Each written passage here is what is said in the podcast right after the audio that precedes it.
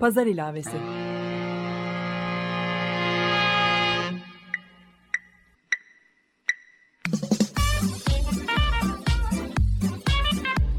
...1936'dan günümüze 80 yıllık bir zaman tüneli.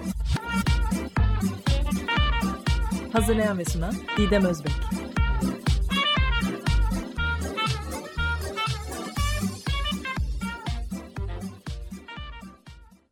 Merhaba sevgili Açık Dergi dinleyicileri. 1936 gündemini günümüze bağlayan yeni bir pazar ilavesini dinlemektesiniz. Ben program yapımcınız Didem Özbek. 2012'den beri üzerine çalıştığım çok katmanlı bir görsel sanat projesinin sözel çevirisini Açık Radyo'da sergiliyorum bir sanatçının işini üretirken, sergilerken ve satarken kurması zorunlu profesyonel ilişkileri Sait Faik Abasıyan'ın bir karpuz sergisi hikayesi ve bu hikayede geçen bir karpuz sergisi açabilmek için projeler yapmaktaydı cümlesinin izini sürerek sorgulayıp kurgulamaya amaçlıyorum.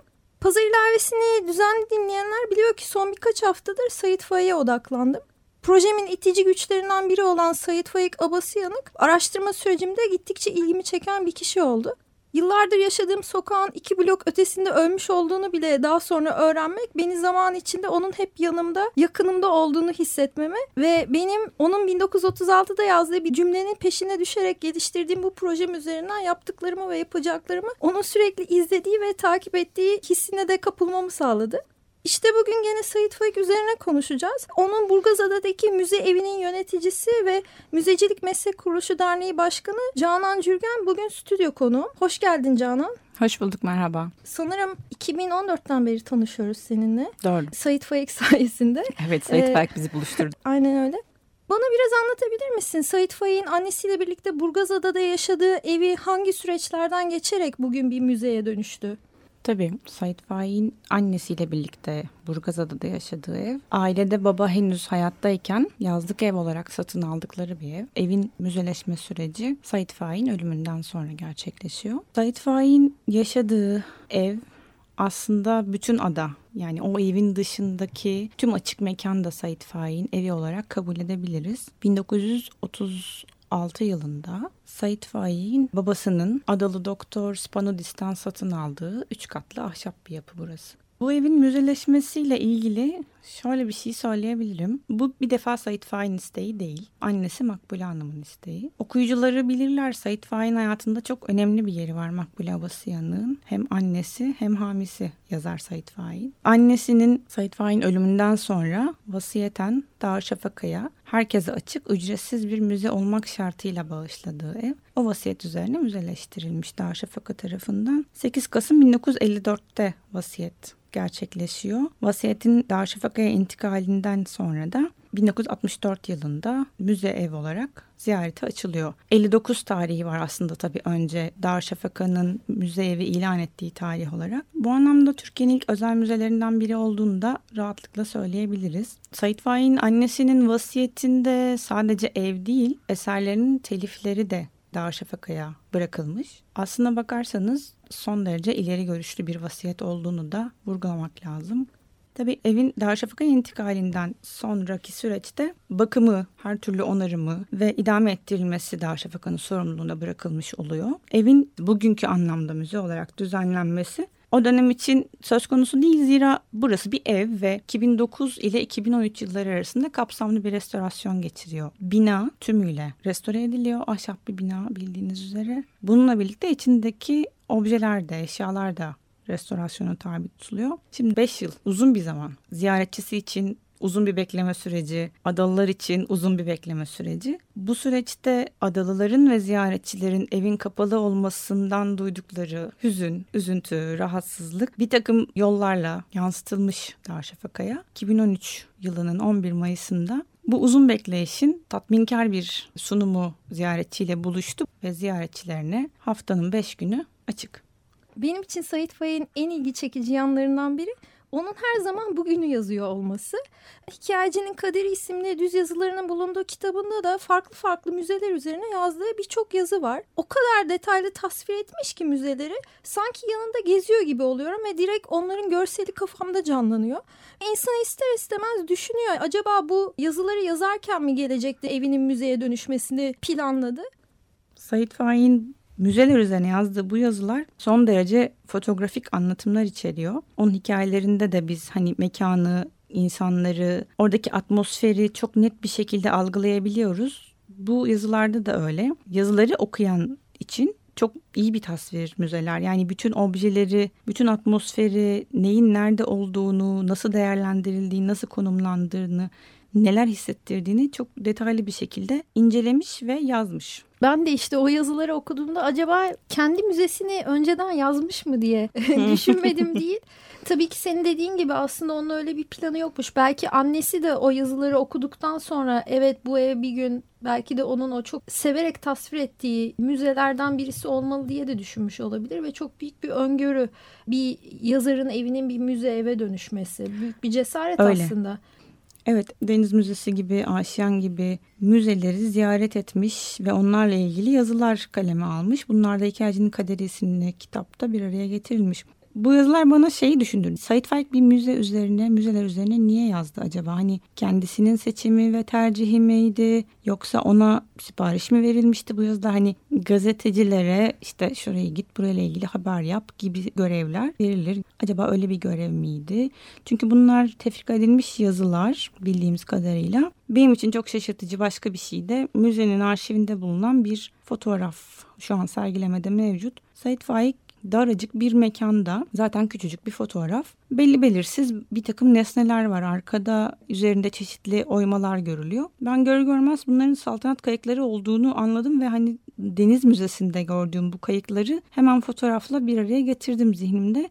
Dediğin doğru. Yani belki de öyle bir şey oldu. Tabii bunu bilemiyoruz. Tanıklıklarımız olmadığı için. Said Faik'in annesi Makbule Hanım söylediğim gibi çok inanılmaz bir öngörüye sahip bir kadın. Belki bu yazıları okudu, belki geleceğe kalmak adına böyle bir mirası bırakmak yönünde kararı bu şekilde aldı. Fakat dediğim gibi Sait Faik'in kendi evini müzeleştirmek gibi bir arzusu olduğunu zannetmiyorum. Hatta bugün kendi müzesini görse ne düşünürdü? Zor bir şey bence Sait Faik'in kendi müzesiyle karşılaşması. Evinin müze olacağı açıklandığında da itiraz edenler oluyor. O konuda biraz bilgi verebilir misin?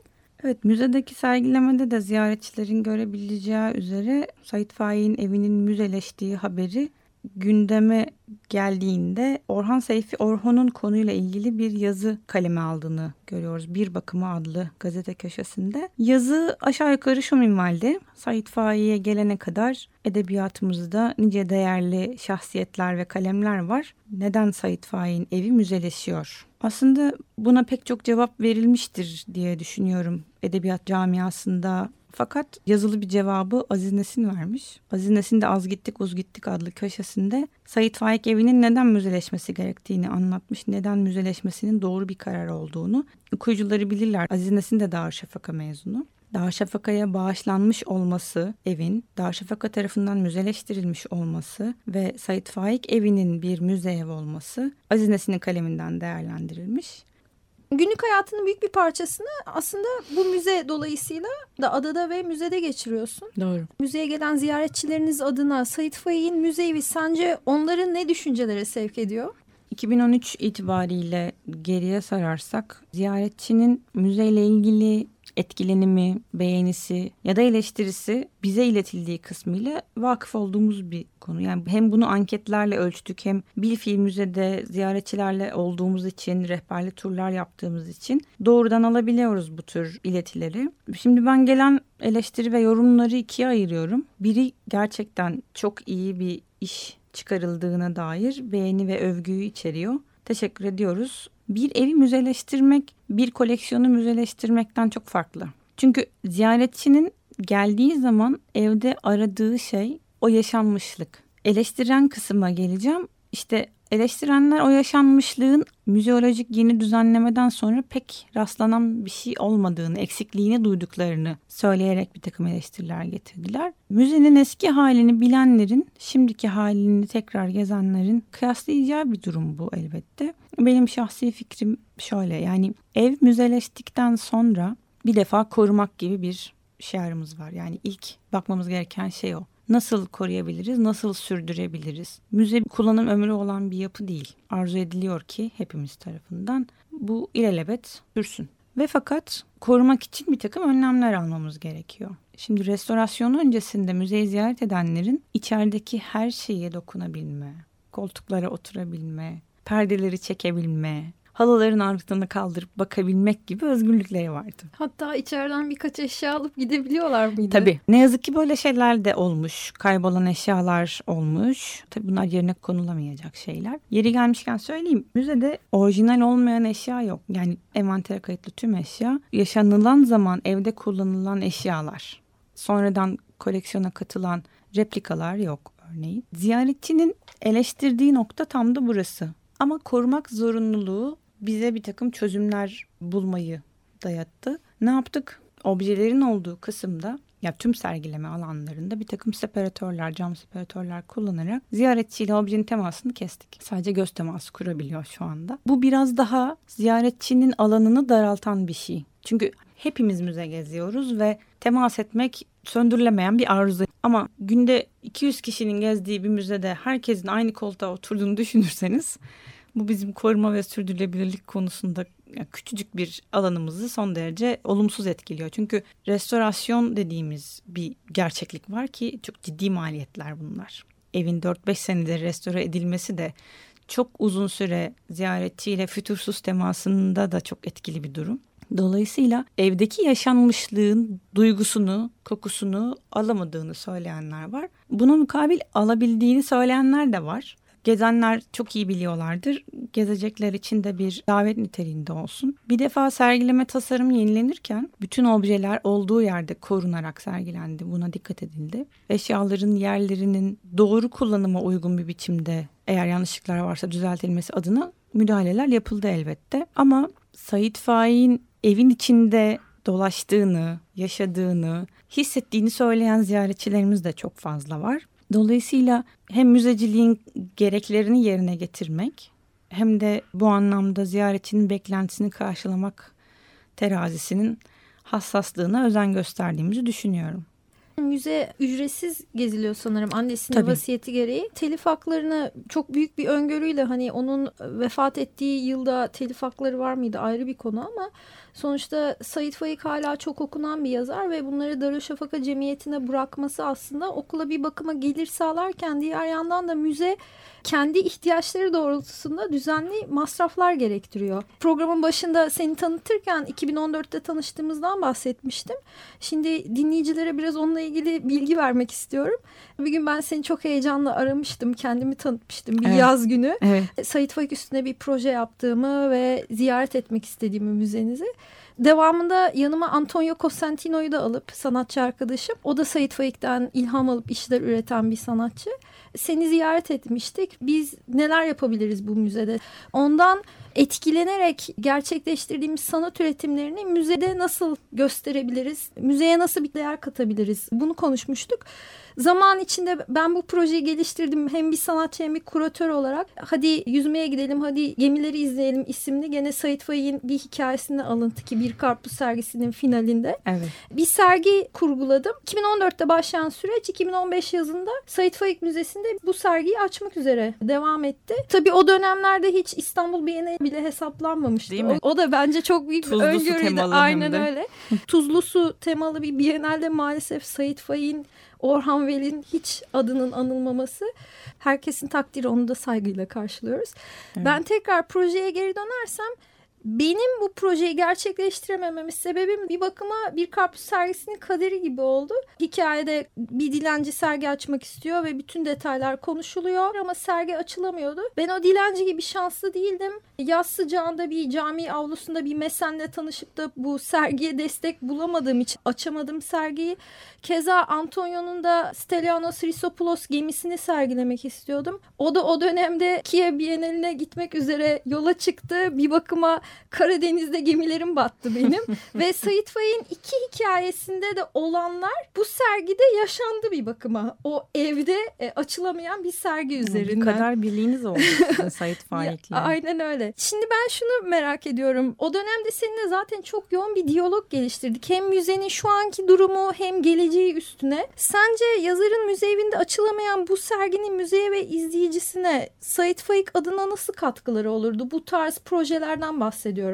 O dönem gerçekten yoğun bir mesai harcadık seninle bu serginin gerçekleşmesi adına biliyorsun. Fakat dediğin gibi bulamadık bir mesen. Ama hala arıyoruz. ha, tabii tabii yani arayışlarımız sürüyor. Ben umutluyum da bu konuda. Nihayetin bir sergiyle gerçekleşeceği konusunda umutluyum. Şimdi bir karpuz sergisi hikayesini aslında senin projen üzerinden tekrar okuduğumda beni çok heyecanlandırmıştı. Seninle bu heyecanımı da paylaştım her adımda biliyorsun. Kurgusu çok güzel, hikayesi çok sağlam bir sergi olacaktı. Belki olacak yine. Umutsuz olmayalım. Fakat gerçekleştiremedik. Neden? Şimdi müzeyi biliyorsun. Darüşşafaka Cemiyeti'nin sorumluluğunda bu müze. Darüşşafaka bildiğin gibi bir eğitim kurumu, bir sivil toplum kuruluşu. Bağışlarla yaşayan ve yaşatan bir kurum. Said Faik Müzesi Darüşşafaka'ya müze olmak üzere bağışlanmış bir sorumluluk. Darüşşafaka da bu sorumluluğu en iyi şekilde yerine getirmek için her şeyi yapmış. Konuda bütün dinleyiciler ve ziyaretçiler hakkını teslim edeceklerdir eminim. Senin de söylediğin gibi bu müzenin kendini idame ettirebilmesi için bir takım kazançlar elde etmesi de gerekiyor. Dediğim gibi Darüşşafaka bir eğitim kurumu ve bağışlarla yaşayan bir kurum. Said Faik Müzesi'ne Darüşşafaka'ya gelen bağışlardan aktarılan bir kalem yok. Çünkü böyle bir şey biz bağışlarımızdan talep edemeyiz. Onların bağışları öğrencilerin eğitimlerine katkı sağlamak ve sürdürmek içindir. Biz kendimize kaynak yaratmak, kaynak bulmak zorundayız. Bu amaçla kolları sıvadık. Elimizde somut bir şey var mı? Şu anda yok.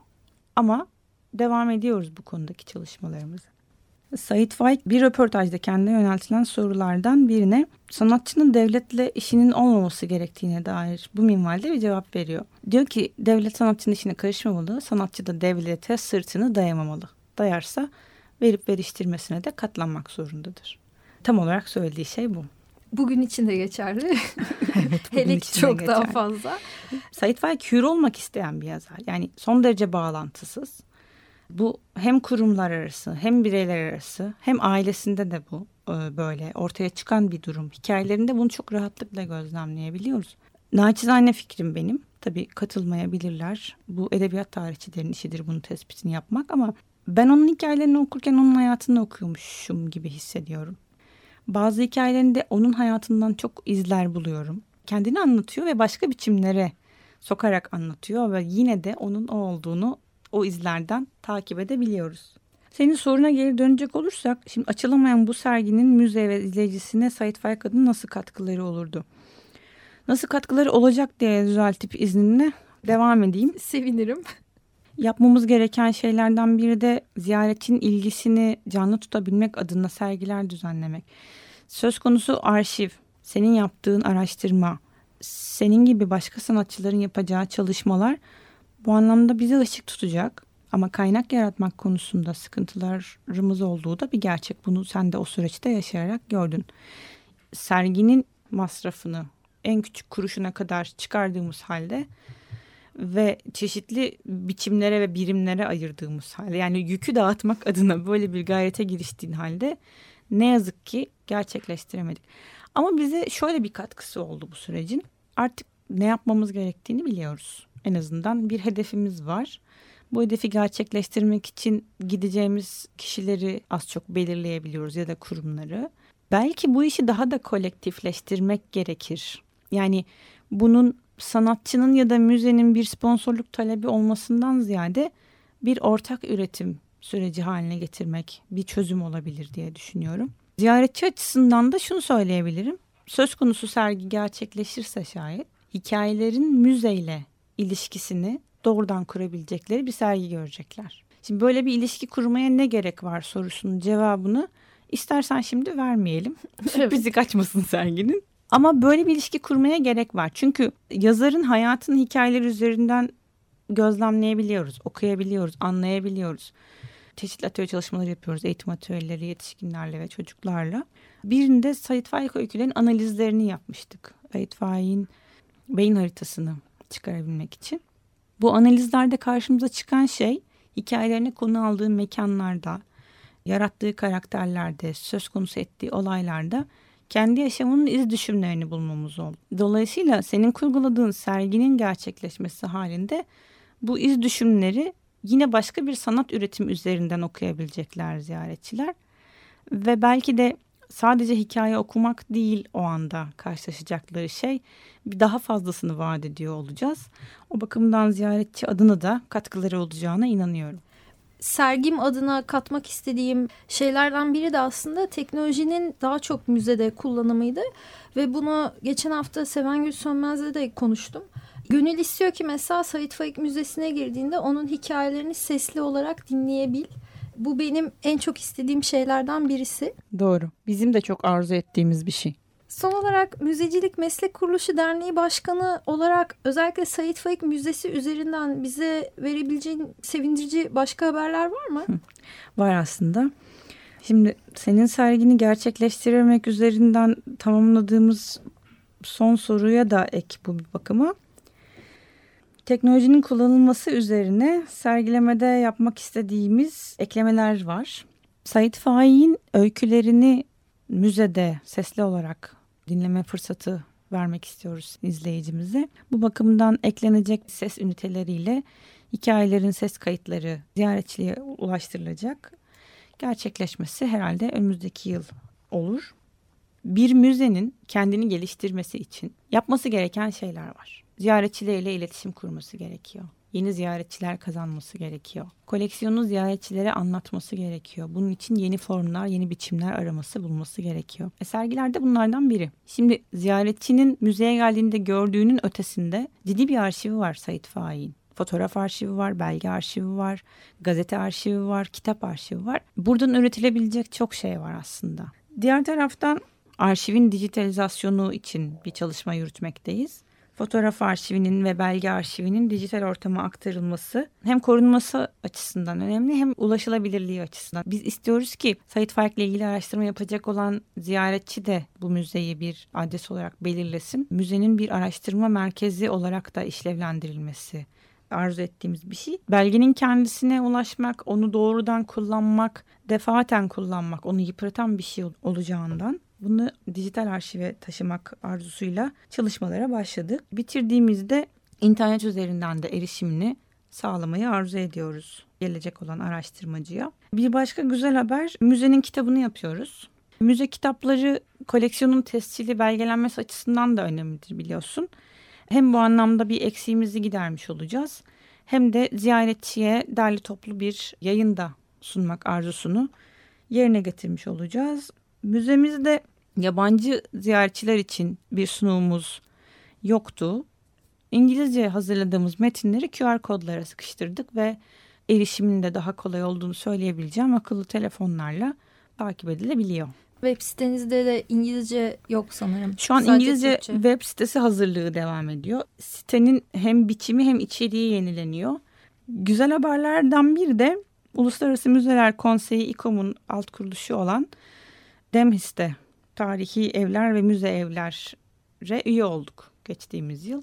Bu platformda yer almakla diğer müze evleriyle, tarihi evlerle, edebiyat müzeleriyle doğrudan bağlantı kurmak ve ortak projeler geliştirmek adına Uluslararası Network'ün parçası olduk. Yerelde Türkiye'deki İKOM Demhist üyesi müzeler olarak bir çalışma grubu oluşturmayı arzu ediyoruz. Bunun için görüşmelere başladık daha güzel gelişmeler olacak bakalım. Çok güzel haberler bunlar. Çok teşekkür ediyorum Canan Rica programa ederim. katıldığın ben için. Ben teşekkür ederim davet ettiğin için. Evet sevgili Pazar İlavesi dinleyicileri bir bölümün daha sonuna geldik. Bugün Sait Faik Müzesi yöneticisi Canan Cürgen'i konuk ettim. Sait Faik Müzesi Burgazada'da da pazartesi salı hariç haftanın her günü açık öyle değil mi Canan? Evet pazartesi salı hariç her gün açık ama şu bilgiyi ekleyelim. E, biliyorsun kış dönemindeyiz Mayıs'a kadar. Mayıs'ta iyi yazlar diliyoruz herkese, adaya gelen ziyaretçilerimize ve adalılara. Ancak şu anda haftanın üç günü açığız. Cuma, cumartesi ve pazar. Ziyaret saatleri sabah 10, akşam 18.30 aralığında. Ziyaretçilerimiz www.saitfaikmüzesi.org adresinden bize ulaşabilirler. Çünkü güncelliyoruz oradan değişiklikleri. Ayrıca Facebook ve Twitter hesaplarından da bizi takip edenler bu bilgiyi alabilirler. Bekliyoruz. Çok teşekkürler. Evet sevgili dinleyiciler Pazar ilavesinin içeriğiyle ilgili bilgileri Pazar ilavesi Twitter ve tüm geçmiş bölümlerin podcastini de Pazar ilavesi blogspot.com ve açıkradyo.com.tr'den dinleyebilirsiniz. Ben Didem Özbek. Gelecek çarşamba kaldığımız yerden devam etmek üzere. herkese konusuna odaklanmış, pes etmeden araştıracağı, üreteceği, yayınlayacağı, sergileyeceği ve özgürlüklerinin farkında olduğu keyifli günler diliyorum. Harika.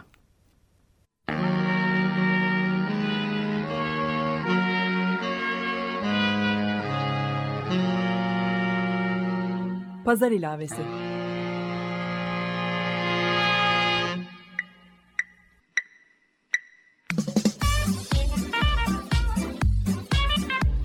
...1936'dan günümüze 80 yıllık bir zaman tüneli. Hazırlayan ve sunan Didem Özbek.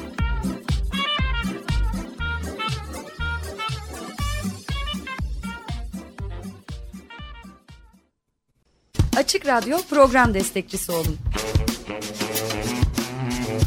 Bir veya daha fazla programa destek olmak için 212 alan koduyla 343 41 41